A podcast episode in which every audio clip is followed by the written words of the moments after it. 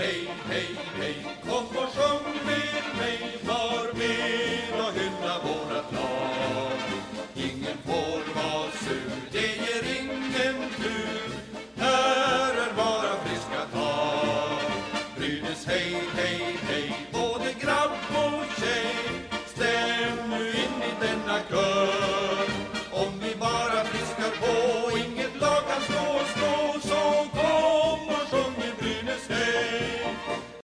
Varmt välkomna tillbaka ska ni vara till ett nytt avsnitt av Brynäspodden. Det blir avsnitt 41 vi kör igång här ikväll.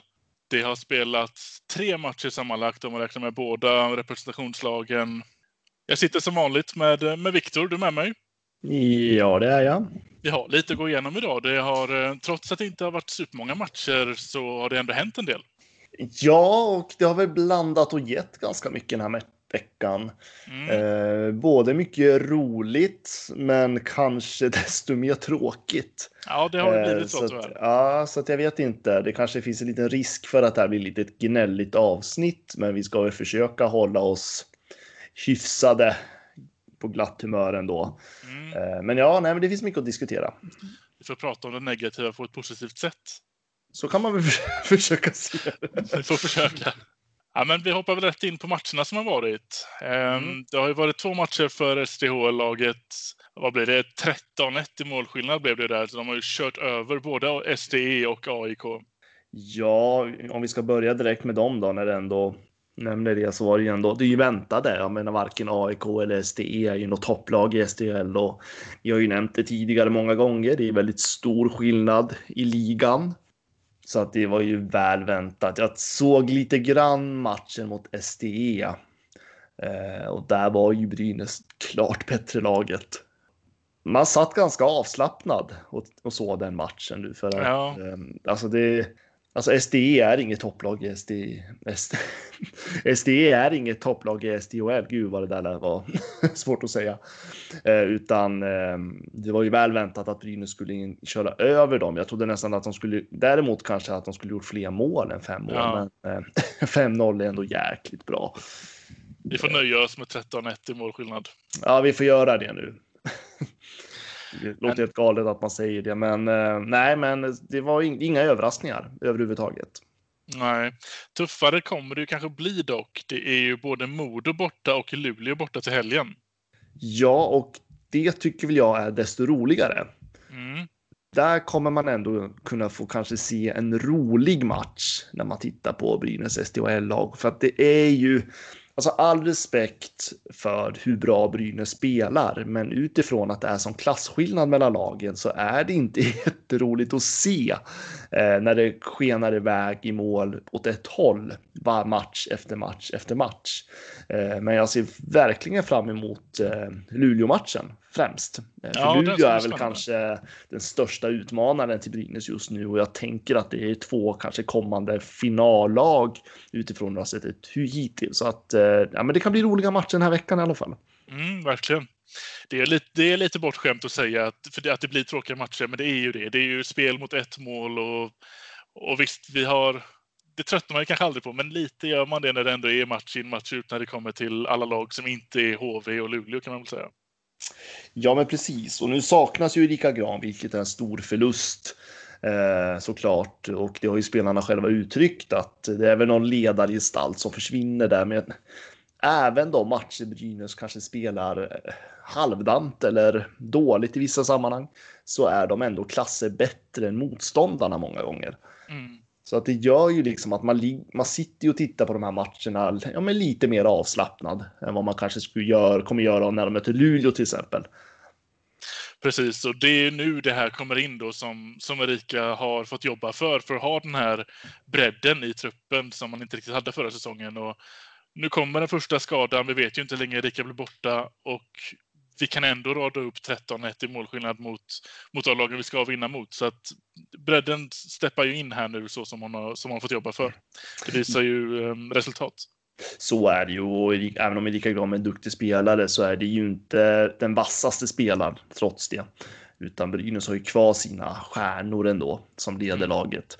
Ehm, Så att nej, men det blir tuffare matcher den här veckan och det ser jag fram emot. Mm, det ska bli spännande. Vi åkte även på torsk för herrlaget mot HV. Jag vet inte, det finns, det finns väldigt lite att säga. Det finns väldigt mycket att säga om den matchen känns, det som. Ja, det beror lite på vad vi ska... Eh, det positiva är att Brynäs vann skotten. Ja. Och det är väl det vi kan säga som är positivt. Eh, utan man, man, gjorde en stark inledning. Ja, när Greg Scott gjorde sitt första mål den här säsongen ska tilläggas så kände väl jag liksom att ja, nu, nu, nu, nu kommer det vakna till. Mm. Nu har Greg Scott fått gjort sitt mål. Nu kommer Brynäs ta över den här matchen. Det vart ju inte riktigt så.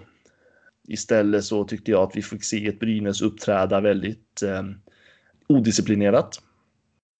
Jag ja. tycker inte att man tog vara på sina chanser på det sätt som jag förväntade mig. Jag tycker att eh, HV hade mycket bättre effektivitet och när Brynäs väl försökte reducera, särskilt slutet av matchen, så tog man inte tillvara på det utan på grund av odisciplinerat spel så sjabblar man bort den här helt enkelt.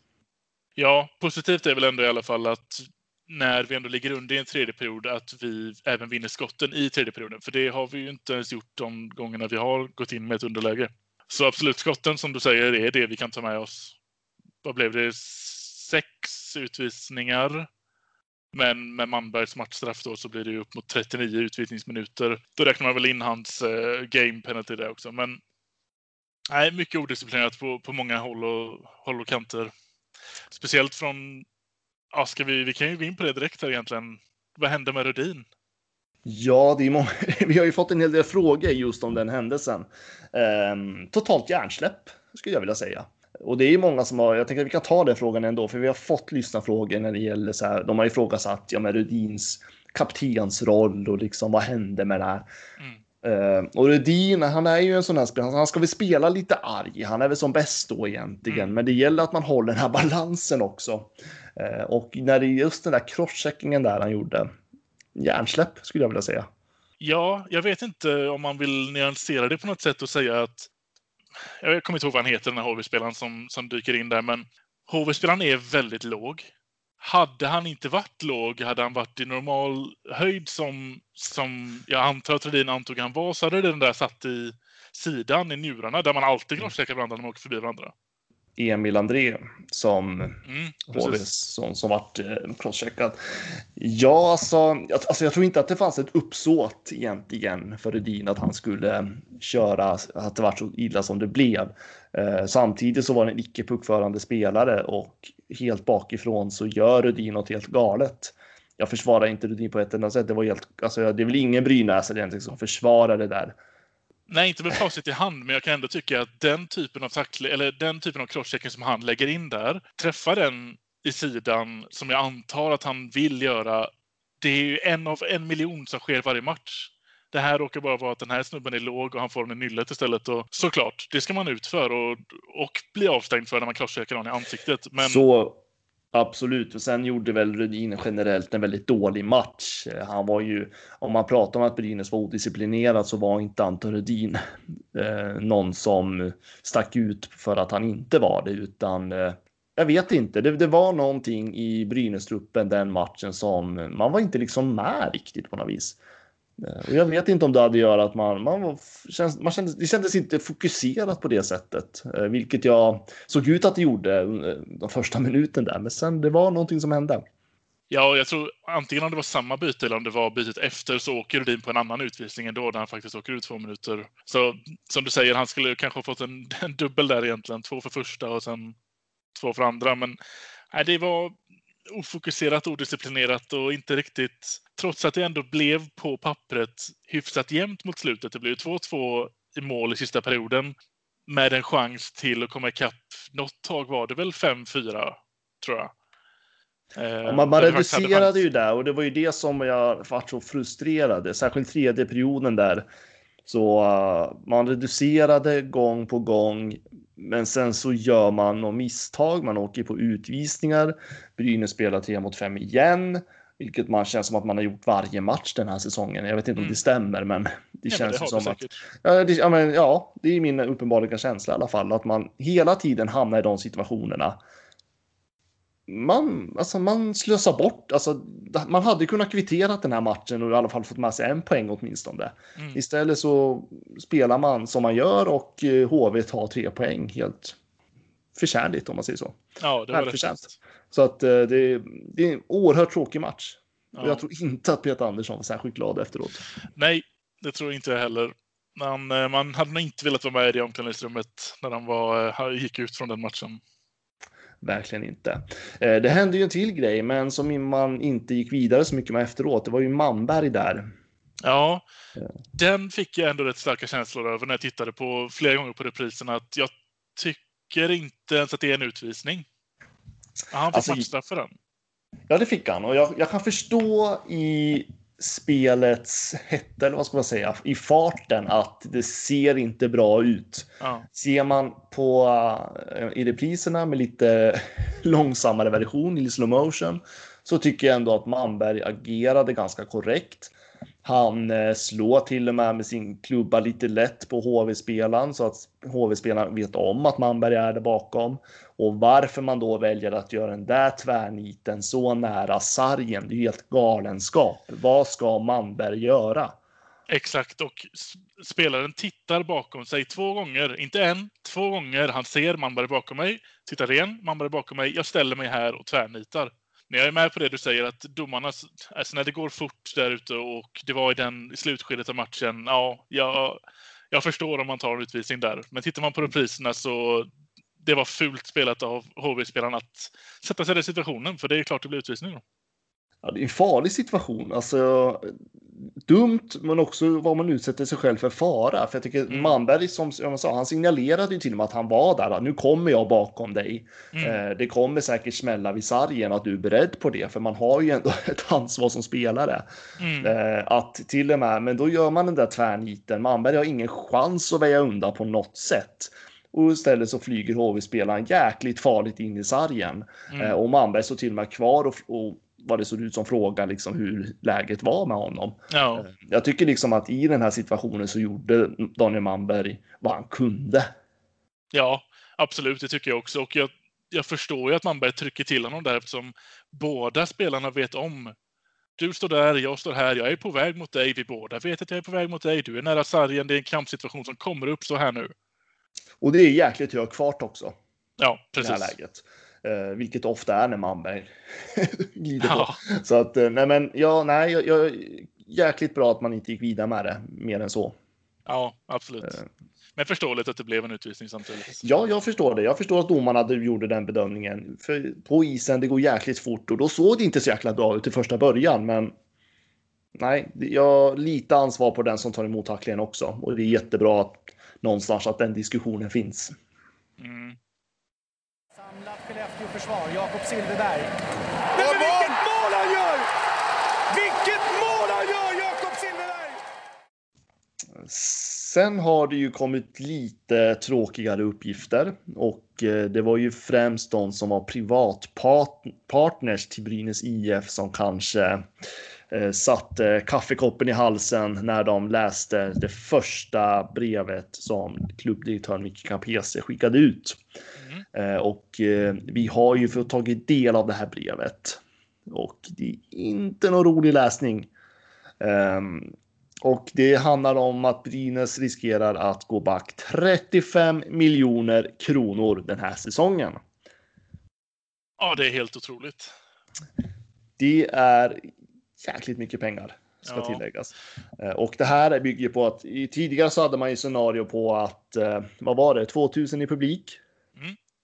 Mm. Som man och då ut var väl 28, minus 28 miljoner kronor förutsatt att Brynäs inte gjorde någonting då. Eh, nu har man gjort massa åtstramningar och man har tagit fram privatpartners och så vidare. Mm. Det var första scenariot, men nu hamnar vi i ett läge där det är 35 miljoner kronor. Ett väldigt allvarligt läge. Mm. Brynäs absolut inte ensamma. Jag tror att Färjestad gick väl ut och hamnade på, sa väl något snarlikt. Mellan 35-40 miljoner sa väl de. Mm. Eh, det är skyhöga summor. Ja, det är hemska summor vi är uppe i nu. Och, eh, och det är klart att man förstår ju att Brynäs behöver göra ans alltså, vissa ansträngningar för det här. Sportbladet gick väl ut bland annat att det pratas ju om varsel av personal. Inte bara att man sänker löner utan rent konkret att man måste säga upp personal. Ja, det tillsammans med eh, det, det, vi diskuterade förra veckan, att spelare kommer att gå ner i löner också. Eller det är väl inte helt satt, men att både varsla och sänka de lönerna som väl blir kvar på, eh, inom Brynäs IF visar att man försöker göra vad man kan med personaldelen i alla fall. Ja, men absolut. Och eh, nu är ju inte det här. Nu vet ju inte vi med 110 procent att det kommer bli varsel av personal, men man kan ju anta det om en klubb går back 35 miljoner kronor mm. i det här läget som är nu. Eh, det förstår ju nog vem som helst att det funkar ju inte bara med att man sänker spelarlöner eller löner från vissa i kansliet, utan det behövs ju mer drastiska åtgärder, mm. vilket är skittråkigt om det här blir aktuellt. Och då tänker jag också att det inte är så konstigt att Brynäs inte går ut jättemycket med det här än, för det är ändå enskilda individer i så fall som kommer förlora sin försörjning och det ska man ju ha respekt för att det är en process som måste skötas internt innan man går ut med det. Ja. Men jag förväntar mig att vi kommer få veta någonting inom kort. Och jag har faktiskt själv haft lite, väldigt ytterst lite eh, mailkontakt med Micke Campese och han, kom, han vill gärna delta i den här podden eh, för att uppdatera oss lite grann när Brynäs har gjort sitt internt och så att säga. Så att eh, det blir väl kanske någon gång någon vecka framöver. Och jag tänker att det vi kan begära främst av Brynäs i det här läget är ju liksom att ha en kontinuerlig transparens eh, kring hur det ekonomiska biten sitter och inte bara till privatpartners utan det här måste ju till medlemmar och fansen överlag. Mm. Vi har rätt att veta hur mår Brynäs IF? Så att eh, nej, det var ingen rolig läsning för de som 1100 tror jag att det är nu som är privatpartners. Mm. Um, och det är klart att vi rekommenderar ju fler att bli det det är ju en långsiktig stöttning av Brynäs IF som faktiskt betyder väldigt mycket för att det är mycket pengar som kommer in om det är fler som blir partners. Ja, precis. Undrar hur mycket man kan eh, dra tillbaka den 35 miljoners summan. Hur mycket man kan sänka den med, med tanke på eh, privatpartners som har lanserats. Ja, och det är ju helt beroende på hur många som blir partners, tänker jag. Ja. Men även om man skulle sänka en miljon så är det ändå en miljon. Precis det är liksom många bäckar små. Någonstans måste man ju liksom. jag tror att Brynäs har en direkt dialog med sina sponsorer, sina partners. Man har direkt dialog med alla anställda, spelare, kanslipersonal, vaktmästeri, restaurang. Jag tänker allting. Eh, och man gör ju det här också så att vi fans kan vara med och bidra så mycket som möjligt för att Brynäs ska komma så starka som möjligt ur den här situationen. Och, och det jag tänker, och jag tänker att det är viktigt att komma ihåg det här att Ja, det är 35 miljoner den här säsongen. Precis. Men det får ju inte bli samma tapp nästa säsong. Och det är ju nästa säsong vi kommer se den stora tunga biten kring hur Brynäs kommer kunna satsa.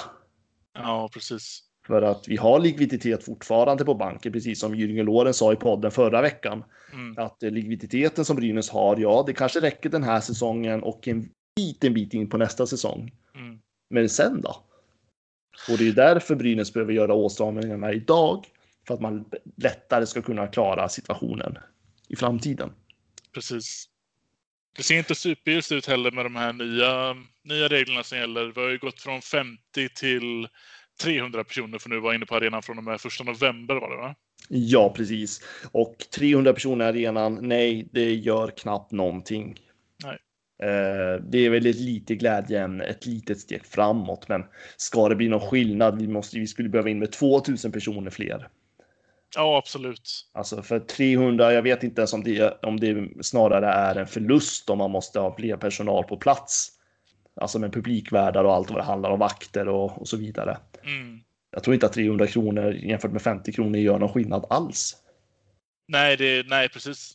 Och där snackar vi inte heller om att man kan dra tillbaka en miljon från de här 35 eller någonting, för de 300 personerna kommer ju inte komma upp i de summorna. Så att den är väl, jag vet inte, ska man kalla det symbolisk höjning av något slag? Alltså ett litet steg framåt i publikfrågan. Ja. Eh, jag tror att eh, kulturvärlden, jag tänker teatrar och sånt, kanske får lite bättre jag tänker så stand-up komiker och så vidare, mm. Eh, får ju kanske lite mer vinning för det här än en stor idrottsarena.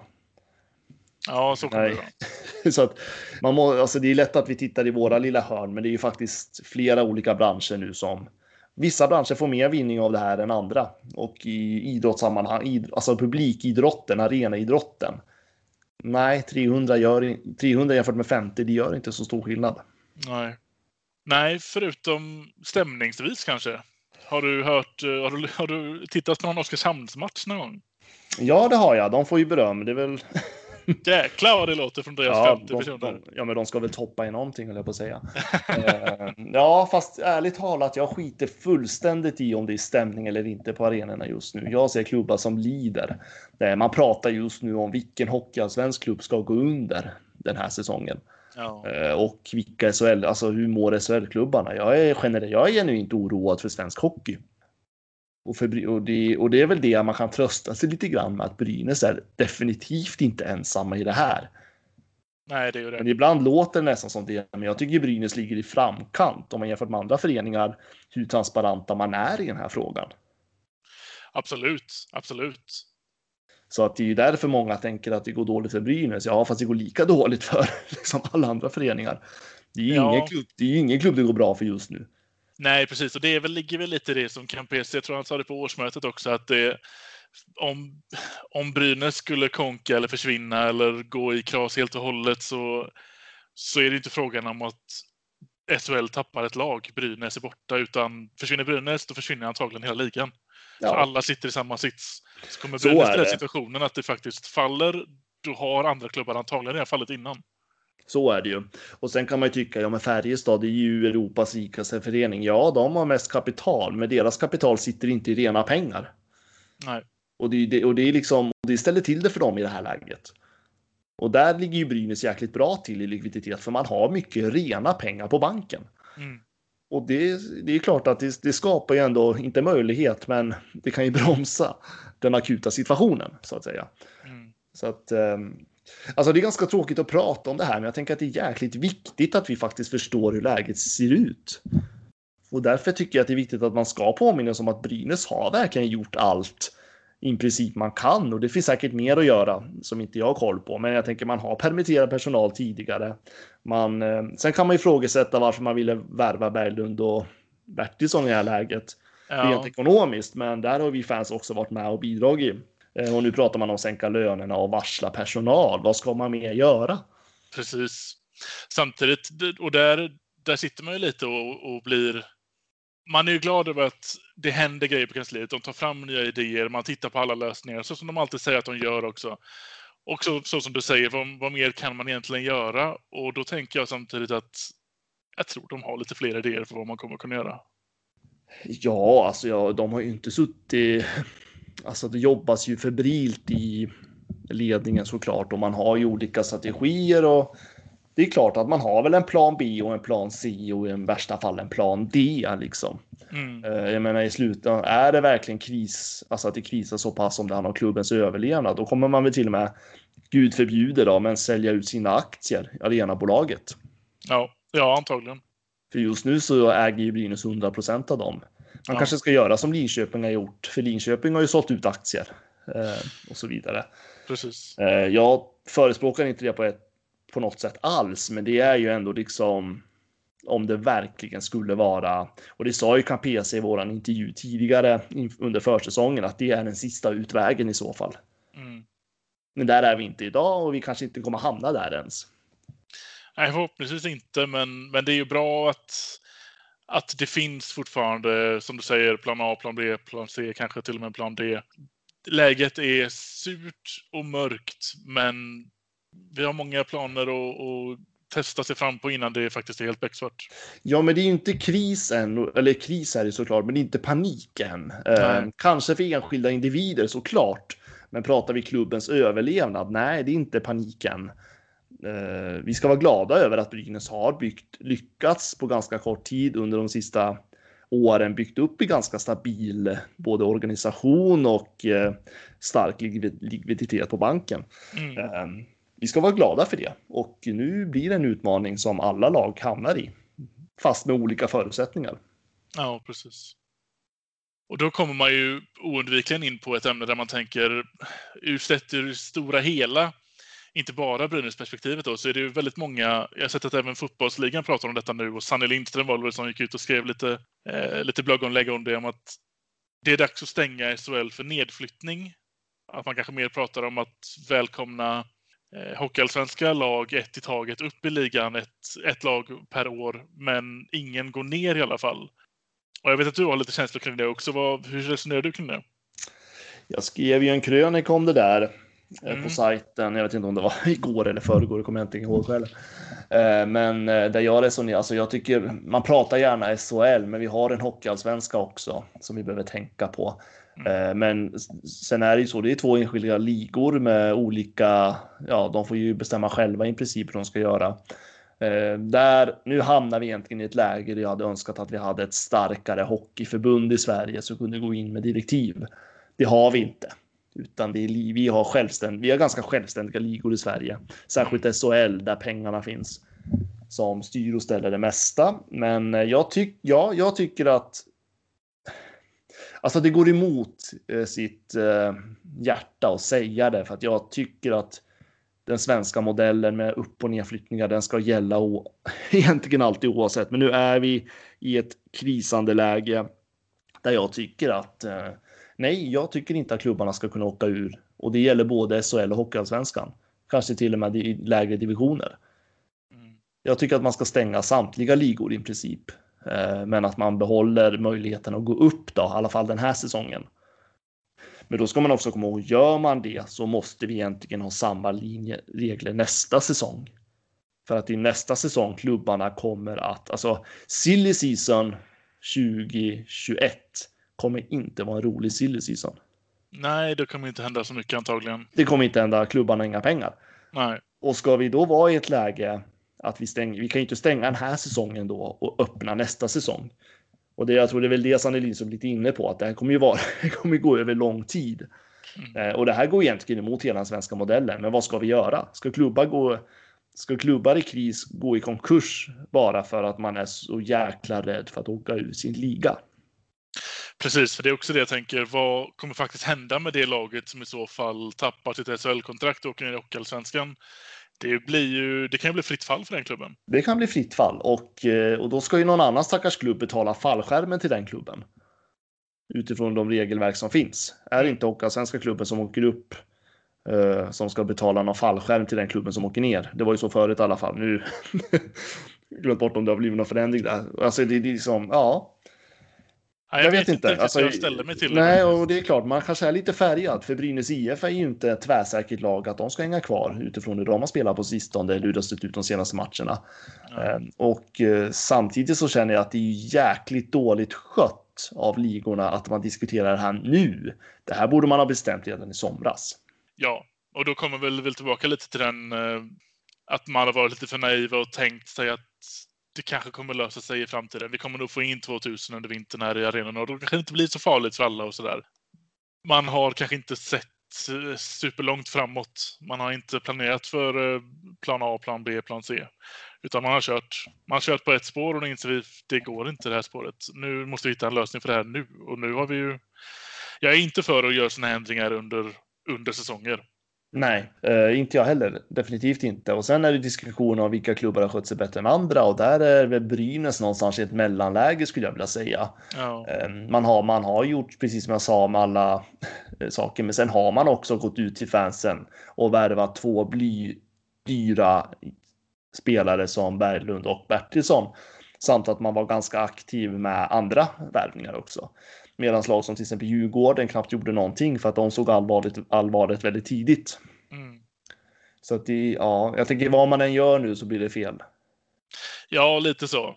Och speciellt som du säger, jag tycker Brynäs är ett mellanläge. Visst, vi har gjort jättemycket för att inte falla så, så djupt ner i mörkret, men vad man än gör just nu så minns vi ju att vi, vi satte kanske de två dyraste spelarna på kontrakt i somras. Lite så. Rödin kanske toppar, men, eh, men jag tror inte Berglund och Bertilsson är långt bakom Rödin. Nej, men Rudin värvade vi ju en tid när vi inte visste att det här skulle komma liksom, så att det, det kan man inte göra något åt. Nej, jag bara tänker att de måste ju vara i väldigt liknande lönenivå jämfört med Rödin och Rödin vet vi ju antagligen är den bäst betalda i laget. Ja, men absolut så är det väl. Nu har han gjort flest mål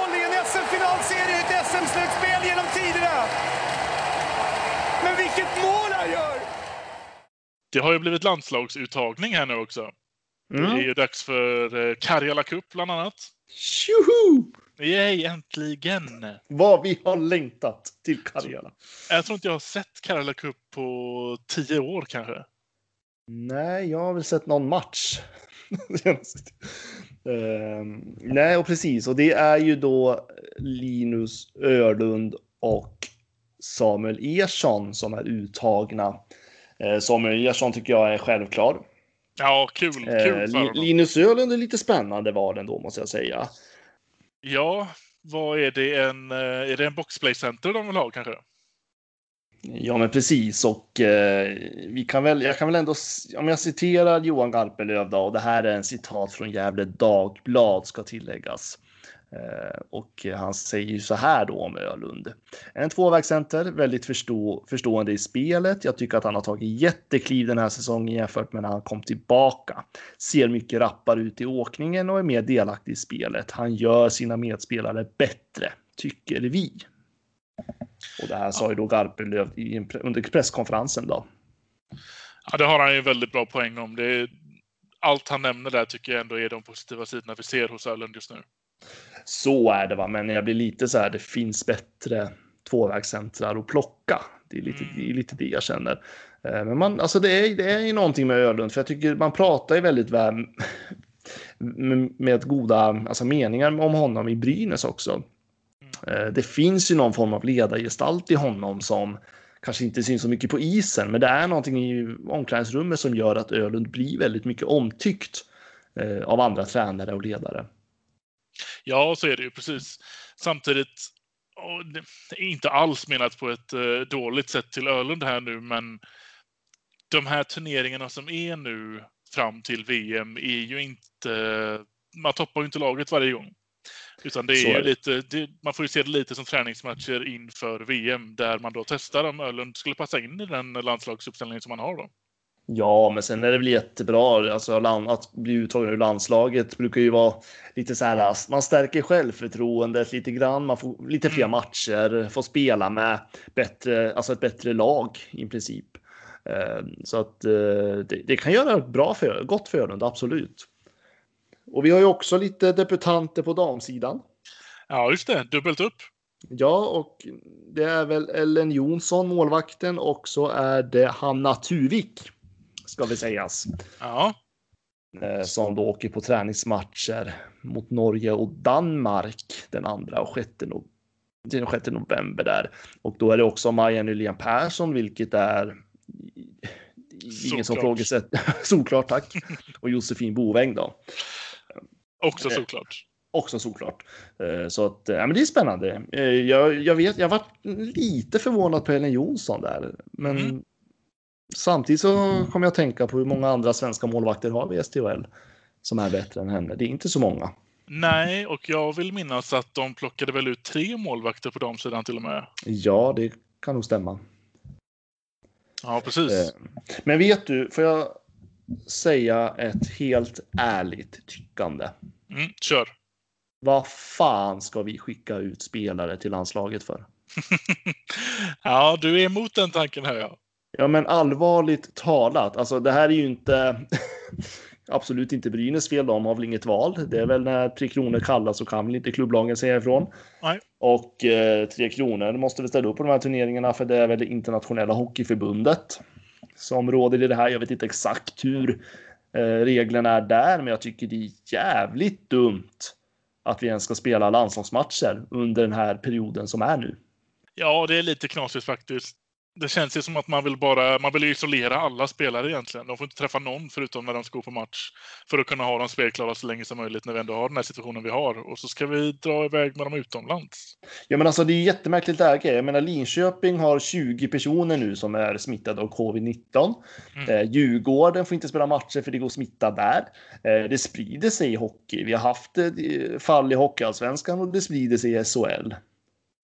Och då ska vi istället samla spelare som har tillhör flera olika lag och det är de bästa spelarna i många lag på en och samma turnering. Vi ska åka utomlands och jag tänker oavsett hur välordnad de här turneringarna är, hur man matcherna är, man gör säkert jättemånga tester och så vidare, så är det ju inte garanti på något vis Nej, det är ju lite av en chansning från alla involverade här nu att man kör på detta. Ja, men lek med, lek med tanken då. Samuel Ersson. Nej. Typ Brynäs viktigaste spelare just nu.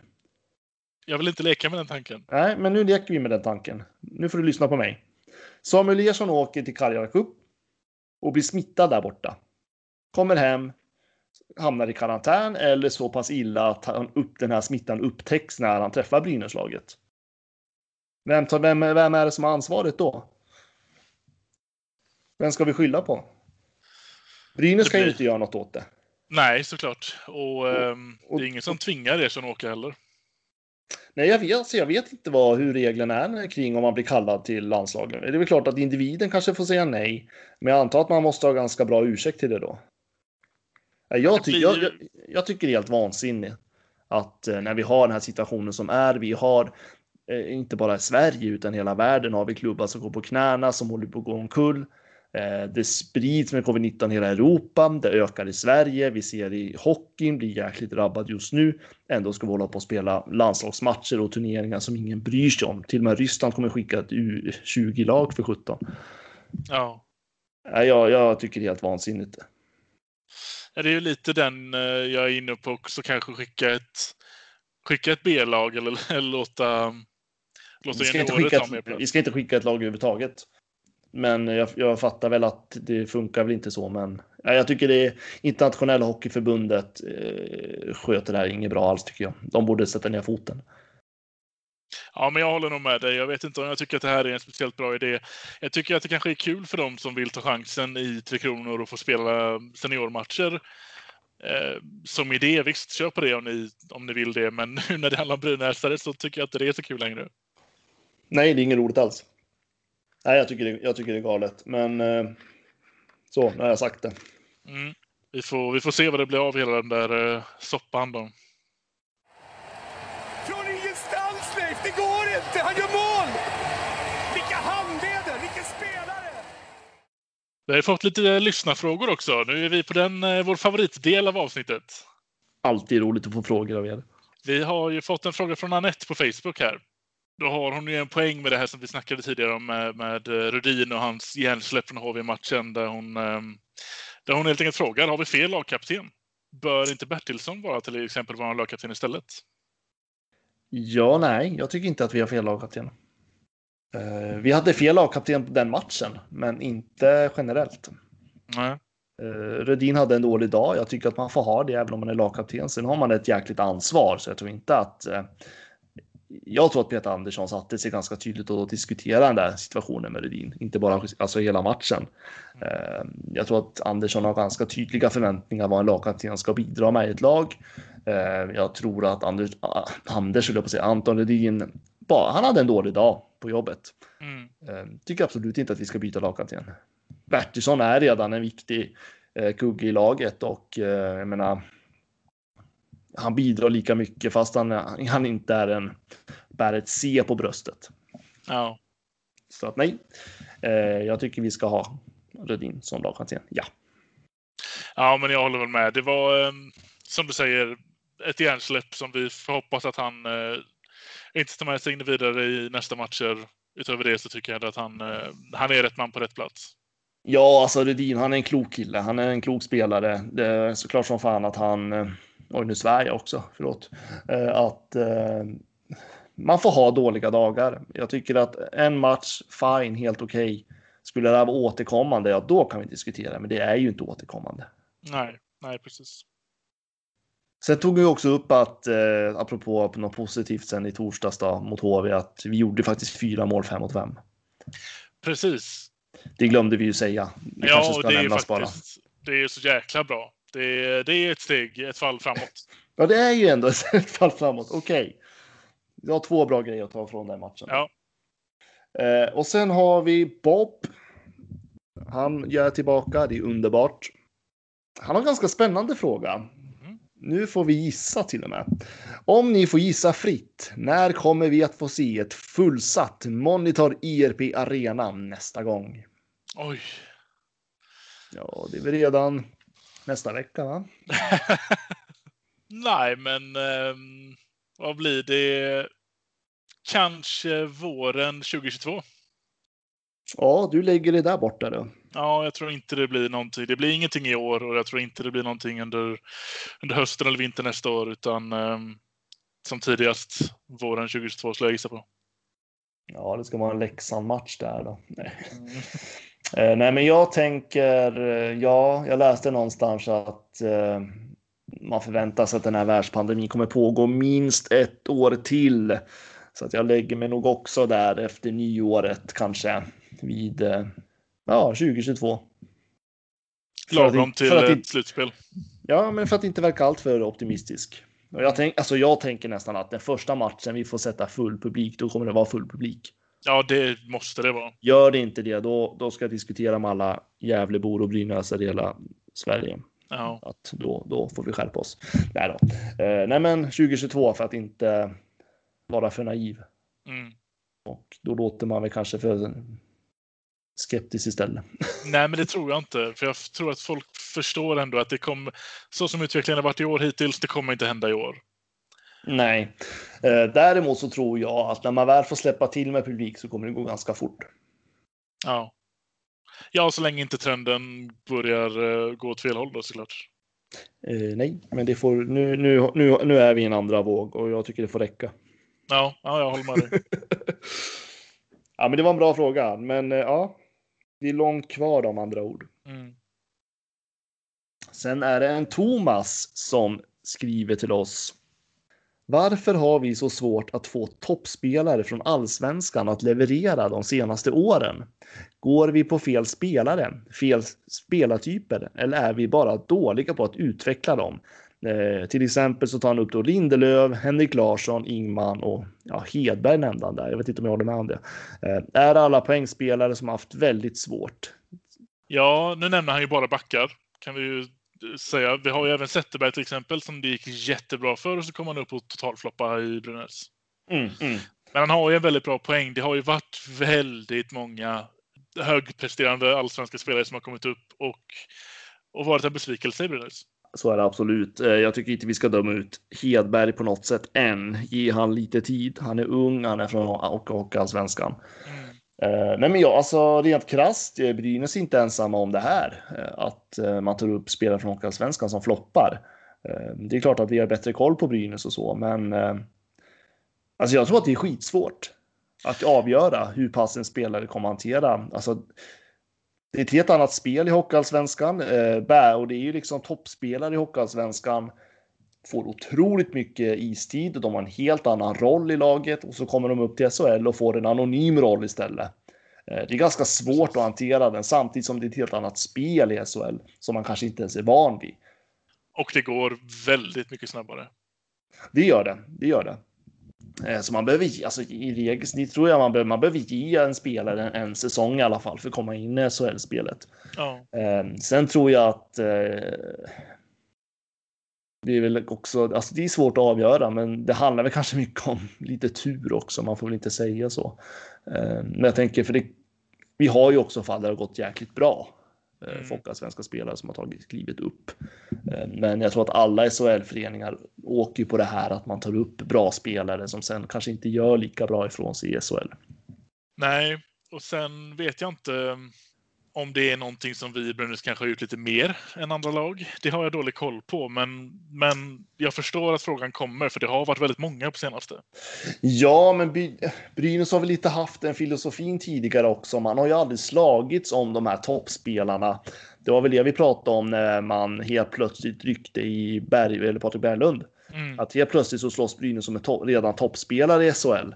Eh, det har inte Brynäs gjort inom de senaste tio åren, eller på att säga. Nej. Eh, utan man har, man har ju liksom byggt mycket på att utveckla juniorer och ta upp allsvenska spelare. Eh, vilket är en strategi man har haft och det är klart att då kanske man syns tydligare då att man misslyckas eftersom att man tar upp fler spelare från Hockeyallsvenskan. Mm. Så att jag har inget bra svar på det, jag bara spekulerar vilt här. Ja, nej, men vi kan, vi kan ändå vara tydliga med att säga att det är ju såklart inte bara Brynäs eh, det här drabbar, men, men det har märkts av lite för mycket på senaste, absolut. Absolut, det gjorde man. Och sen, det är väl klart att det är en viss, alltså, det har ju varit lite rörigt med alltså, sportchefer där ett tag också, ska vi tilläggas med. Mm. ja, med Bengtzén där och Andreas Dackell som kanske inte riktigt ville ha det där uppdraget egentligen.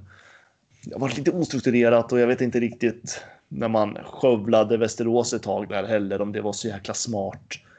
Eh, så att ja, man har nog en kombination med liksom att det är svårt att avgöra samtidigt som man kanske inte riktigt har skött det helt perfekt heller.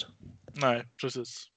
Det har ju varit ostabilt i klubben och det är väl klart att ingen spelare går obemärkt förbi det om det är tumult på insidan och du ska ut och prestera sen när du kommer från allsvenskan där du har gått med självförtroende och kommer in i en klubb där det inte är tydliga direktiv så såklart påverkar man ju det.